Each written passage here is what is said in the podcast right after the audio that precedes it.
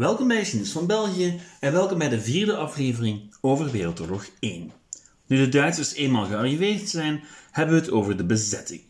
Een vaak nogal onderbelicht aspect van Wereldoorlog 1, maar eentje dat wel degelijk de moeite waard is. Vandaag heb ik dan ook over Vlaamenpolitiek, generaal gouvernement, economische plundering, La Libre Belgique, kardinaal Mercier en deportatie. Dat en nog veel meer in deze aflevering van Geschiedenis van België.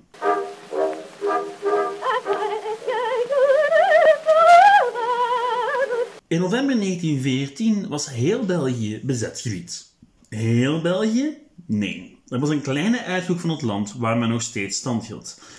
En uh, een gigantisch land genaamd Congo, maar dat is een verhaal voor volgende week. Vandaag gaan we het hebben over dat bezette stuk. Want hoewel de bezetting een stuk minder aandacht krijgt dan al dat krijgsgeweld, is ze minstens even belangrijk voor het hedendaagse België. Het Vlaams nationalisme, de Belgische industrie en zelfs het Belgische perswezen zouden onherroepelijk veranderen door de bezetting.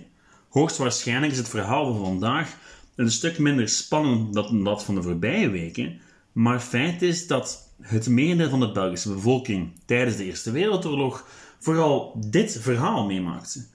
Niet het epische van de loopgraven, maar het verhaal van de bezetting. En dat was voor hen ook niet al te makkelijk. En voor hen ook heel ingewikkeld. Nu, de epiek van de loopgraven, en zeker die van Congo, die is voor volgende week. Vandaag hebben we het dus over de bezetting. Een bezetting die niet op dezelfde manier verliep in het hele land. Want ja, ten eerste was er natuurlijk een stukje vrij België in de Westhoek. Ten tweede was er het operationsgebied, wat een strook land was vlak voor het front in het westen van het land en de kuststreek, waar de Duitsers het voor het zeggen hadden en waar burgers eigenlijk niks te zoeken hadden. En ten derde was er het etappengebied, wat min of meer het merendeel van Oost- en West-Vlaanderen was, van waaruit voorraden en troepen naar het front werden gestuurd. Ten vierde het generaal gouvernement dat de rest van het land behield. Dus ja, zelfs een bezet België is relatief ingewikkeld en heeft verschillende bestuursniveaus die met elkaar in overleg zijn. Nu, uiteindelijk is het nog redelijk eenvoudig. In de strook langs het front en de kustlijn gold de krijgswet, in het etappegebied even goed, maar daar werd hij dan weer minder streng toegepast. Beide regio's werden wel bezet door het Duitse Vierde Leger. En dat generaal gouvernement bestond uit een Duitse regering onder een generaal die zich vooral bezighield met het dagelijkse rijden en zeilen van het gebied. In de mate van het mogelijke echter liet men de lokale overheden zoveel mogelijk hun job doen. Wat natuurlijk niet zeggen wil dat het leven onder de bezetting een lachertje was. Er waren meerdere kwalen waar gewone burgers mee leven moesten. Een van de meest pijnlijke was honger. En België leed zowat de hele oorlog door aan een voedseltekort. Wat eigenlijk helemaal niet onlogisch is. Want ja, België was al voor 1914 een importeur van voedsel. België kon niet overleven zonder import. Want de agrarische sector produceerde toen al niet genoeg meer voor de eigen bevolking. En zo dus kwam een groot deel van elders. Vandaag is het niet anders trouwens. Nu, toen die grote internationale aanvoer plots stokte, was er een grote kans dat een van de meest ontwikkelde landen van dat moment ten prooi zou vallen aan hongersnoden. En dat het nooit zo ver kwam, was te danken aan de CSNA, of het Comité National de Secours et d'Alimentation, een liefdadigheidsorganisatie die met de initieel neutrale Amerikanen onderhandelde om voedselhulp tot in België te krijgen, wat de Duitsers toelieten om de rust te bewaren. En daarmee werden eigenlijk de ergste voedseltekorten vermeden. Er was er een door de Duitsers toegelaten Belgische organisatie die haar uiterste best deed om in de noden van de gewone burger te voorzien. En dus ook min of meer een heleboel basisfuncties van de Belgische overheid overnam. En bij gevolg een symbool werd van nationale eenheid. Ook al werd er samen met de Duitsers toch werden de mensen van CN, CSNA niet gezien als collaborateurs. Zij probeerden er simpelweg het beste van te maken, met de toestemming van de Belgische regering in ballingschap trouwens. Wat een groot verschil is met sommige anderen die ook samenwerkten met de Duitsers. Maar daarover straks meer. Eerst moet ik nog hebben over de economische schade van de Eerste Wereldoorlog. En nee, ik heb het hier nog steeds niet over Ypres en omstreken. Zelfs niet over de materiële schade in plaatsen als Dinant en Leuven.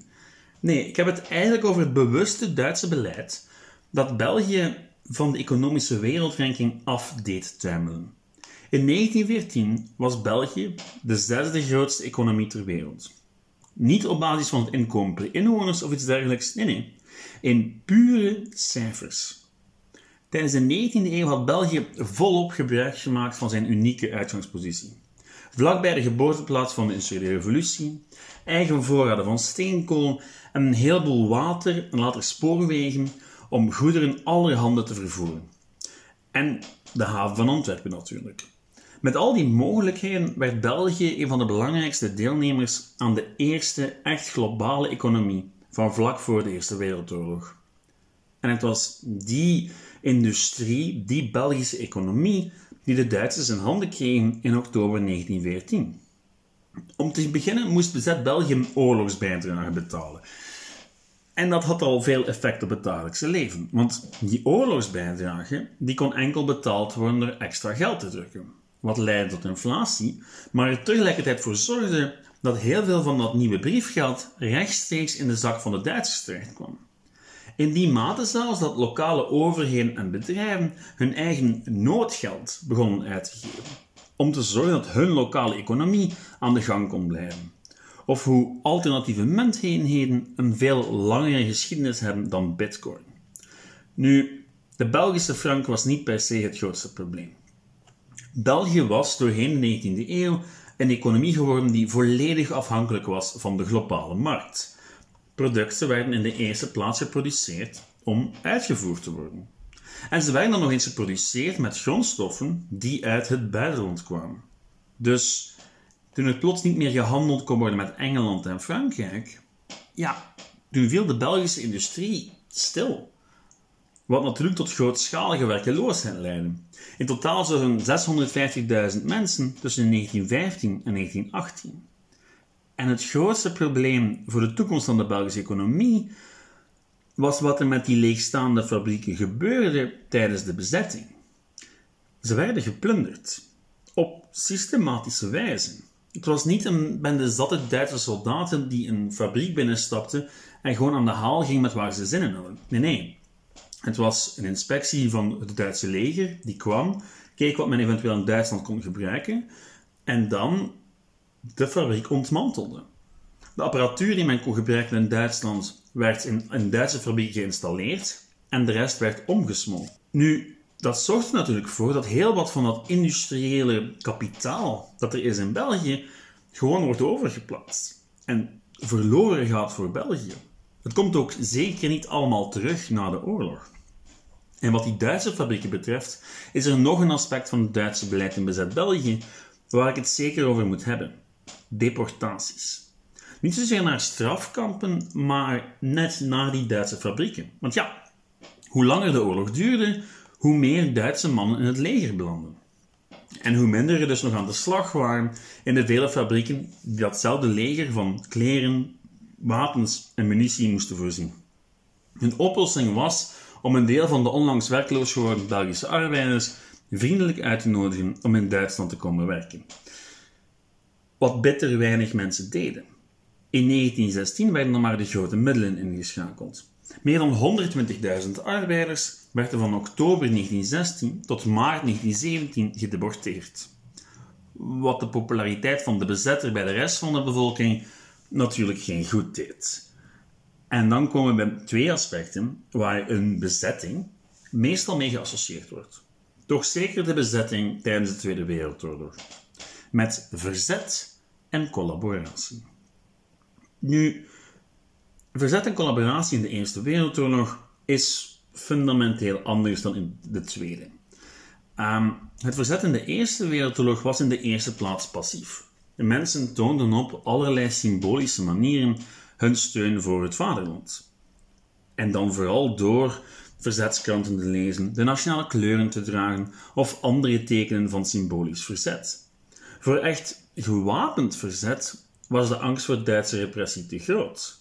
Bij gevolg beperkten verzetsorganisaties zich vooral tot spionage, propaganda en, uh, oh ja, mensensmokkel. Nu, mensensmokkel is waarschijnlijk het verkeerde woord, maar in totaal werden zowat 30.000 mannen de grens overgesmokkeld, zodat ze zich bij het Belgische leger konden vervoegen in Yper. En dat was over het algemeen de Nederlandse grens, waar de Duitsers te vergeefs probeerden om de vluchtende Belgen tegen te houden met behulp van de dodendraad. Dat was een versperring met prikkeldraad en elektriciteit, waar verschillende burgers, burgers het leven lieten bij een poging om het bezette land te verlaten. En hoewel er zelden rechtstreeks aanslagen gepleegd werden, was het werk van die verzetstrijders niet zonder risico. Twee van de bekendste voorbeelden, de Doornikse Gabrielle Petit en de Britse verpleegster Edith Cavell, werden beiden geëxecuteerd voor hun rol in het wegsmokkelen van mannen. Petit was 23 jaar bij haar executie, Cavell 49. Beiden werden ze geëxecuteerd te Schaarbeek. Een laatste naam die ik, die ik nog moet noemen in de context van verzet is die van Désiré Joseph Mercier, beter bekend als kardinaal Mercier. Mercier riep de Belgische bevolking dan wel niet op tot gewapend verzet, maar de titel van zijn kerstboodschap in 1914, Patriotisme et endurance, doet vermoeden waar het hart van de kardinaal lag. En dat deed hij ondanks een duidelijk verbod van de bezetter en het Vaticaan. De paus die wou de kerk zo neutraal mogelijk houden tijdens de oorlog. En dat was een leuk idee, maar lokale kerkhoofden voelden zich vaak verre van neutraal. Ook omdat die vaak meegesleurd waren in het nationalisme van de 19e en begin de 20e eeuw. En Mercier bijvoorbeeld, wel, die identificeerde zich vooral als een vorstgetrouwe Belg. En die oefende door zijn positie heel wat invloed uit op de bevolking van het bezette België. En wat hij in de eerste plaats deed, was de bevolking oproepen om de moed erin te houden. Hij zou tijdens de oorlog regelmatig uitgaan naar de bezetter, protesteren tegen allerhande maatregelen en de bevolking oproepen tot passief verzet. En daarmee werd de man een symbool van een verenigd België. En een van de weinige van dergelijke symbolen die zich effectief in het land bevond. Want ja, de koning zat immers achter de ijzer en de regering in Frankrijk, terwijl Mercier gewoon in Mechelen zat. Wat natuurlijk de vraag oproept waarom de Duitsers hem daar lieten zitten. En de verklaring is eigenlijk redelijk eenvoudig. De paus. Nog de paus, nog de Duitsers hadden zin in een conflict. En dus werd Mercier met rust gelaten, al kreeg hij regelmatig waarschuwing dat hij en zijn priesters zich vooral koest moesten houden en de bevolking vanop de spreekstoel niet moesten oproepen tot opstand. Mercier zou de hele oorlog lang koord dansen en alles doen om het volk een hart onder de riem te steken en trouw te, houden aan een koning en regering die niet bij hen waren. En net dat maakte van Mercier een symbool van nationale eenheid. Zijn politieke ergernis is een stuk ingewikkelder dan dat, maar dat is een verhaal voor een andere keer. Goed, naast verzet was er ook collaboratie tijdens de Eerste Wereldoorlog. Um, het merendeel van de bevolking deed wel haar uiterste best om zo goed en zo kwaad als het kon verder te gaan met het leven. En van een echte enthousiaste samenwerking met de bezetter was geen sprake. Op enkele belangrijke uitzonderingen na. Nu, over het algemeen had de Belgische politiek bij het uitbreken van de Eerste Wereldoorlog resoluut voor België gekozen. Albert I had de Belgen bij het uitbreken van de oorlog opgeroepen om een union sacrée te vormen. Een heilige unie tegen de invaller. Hij riep dus een soortement van godsvrede uit, waarbij alle partijen en geledingen hun politieke strijd zouden staken tijdens de oorlog. Klinkt logisch, was het niet. Want liberalen en katholieken mochten op dat moment dan wel resoluut achter de Belgische staat staan. Dat was wel anders voor socialisten of Vlaams nationalisten. Beiden hadden een heleboel problemen met die Belgische staat. De beperking van het stemrecht, het gebrek aan overheidsingrijpen in de economie en een ronduit elitair politiek systeem, ja, dat waren serieuze struikelblokken voor de socialisten. Voor de Vlaams nationalisten was het continue gebrek aan herkenning van het Nederlands als cultuur en bestuurstaal, zelfs in Vlaanderen, een fundamenteel probleem. Nu, de socialisten zouden net als alle andere socialistische partijen in Europa voor het nationaal belang kiezen, in plaats van voor de internationale strijd der arbeiders. Van Duitsland tot Engeland maakten de leiders van de socialistische partijen dezelfde inschatting: dat ze door een hulp te verlenen aan de oorlogsinspanning verder zouden geraken dan als ze hun pacifistische retoriek van voor de oorlog ook effectief in de praktijk zouden brengen. Denk je aan, dit is het tijdperk van de eerste, tweede internationale. Van het idee van een gemeenschappelijk arbeidersfront tegen het kapitalisme. Maar toen de oorlog kwam, bleef daar bitter weinig van over. En koos men vooral voor het eigen land. Dus ja, men zou vooral hulp verlenen aan de oorlogsinspanning en niet ja, hun eigen politieke winsten in gevaar brengen. De werklieden alle landen verenigden zich dus niet, alle woede van Lenin en consorten ten spijt. En hetzelfde gebeurde bij een groot deel van de Vlaamse nationalisten. Vlaams nationalist zijn betekende voor velen immers niet dat ze per se tegen België waren. Wel dat ze er een andere invulling aan worden gegeven. En hoewel de frustratie groot was, betekent dat voor hen niet dat zij moesten gaan collaboreren. Al zag de bezetter dat wel zitten natuurlijk. Want ja, voor socialisten had het Duitse keizerrijk sowieso weinig sympathie, maar met nationalistische bewegingen, wel, ja, daar konden ze wel mee aan de slag. En vanuit het idee dat een verdeeld België makkelijker te veroveren zou zijn in de toekomst, probeerde men het land uit elkaar te spelen. Concreet door de communautaire breuklijn die al bestond voor de oorlog nog wat uit te diepen. En vooral vanaf 1916 kwamen de Duitsers tegemoet aan verschillende eisen van de Vlaamse beweging. En de grote ironie van dit alles is dat heel wat zaken die we vandaag als doodnormaal beschouwen, voor het eerst ingevoerd werden door de Duitsers. Vlaams zelfbestuur bijvoorbeeld, of een Nederlandstalige universiteit, of pakweg de provincie Waals-Brabant. Dingen die van 1916 tot 1918 werden doorgevoerd en na de oorlog werden teruggedraaid. Want ja, de Vlaamse bevolking leek daar op dat moment niet op te zitten wachten, om nog maar te zwijgen van de Franstalige bourgeoisie. Nu, een deel van de Vlaamse beweging had dat allemaal wel als doel of als einddoel, maar zij beseften dat alles wat men van de Duitsers kreeg per definitie vervloekt was. De bevolking stond op dat moment grotendeels achter de koning en de Belgische staat. Wat ons tot het verschil brengt tussen activisten en pacifisten. Activisten wilden hun doel bereiken, koste wat het kost. Zelfs al betekende dat samenwerking met de bezetter, met Duitsland. Pacifisten hadden vaak dezelfde doelen, maar kozen voor de weg van de geleidelijkheid, binnen de Belgische context. En die activisten, dat was maar een kleine minderheid van de Vlaamse beweging. Maar het was die minderheid die Duitse initiatieven steunde, zoals de oprichting van een Nederlandstalige universiteit in Gent, of het installeren van een Vlaamse regering en de uitroeping van Vlaamse autonomie 1917. Na de oorlog zouden de activisten daarvoor vervolgd worden, maar ze gaan wel nog een rol spelen. Al is dat een verhaal voor een andere keer.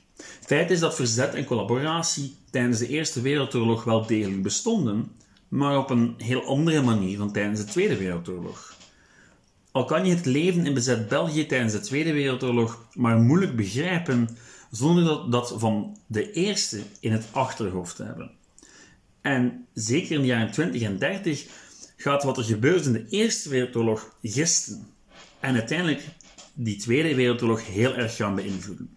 Goed, nu, de jaren 20 en 30, daar komen we nog toe. Ooit. Maar voor vandaag is het afgelopen met die bezetting en de collaboratie. Uh, er komt binnenkort nog een extraatje aan. Ik ben namelijk in het bezit van een originele editie van Etappeleven van Heinrich Wand. Dat is een boek waarin een Duitse officier het leven beschrijft in Gent tijdens de Duitse bezetting. In een aparte extra aflevering lees ik voor uit enkele van mijn favoriete fragmenten. Het is onlangs heruitgegeven, maar daar ik een editie bezit uit het jaar 1922, dacht ik dat het misschien leuk zou zijn om fragmenten voor te lezen in het originele Nederlands. Goed, dat binnenkort in uw podcastprovider. Er komt ook nog een interview aan. Verder is me enkel nog u te bedanken voor het luisteren en u door te verwijzen naar de Facebookpagina Geschiedenis van België en het e-mailadres geschiedenisvan.outlook.be. Goed, bedankt voor het luisteren. Tot volgende week. Ciao!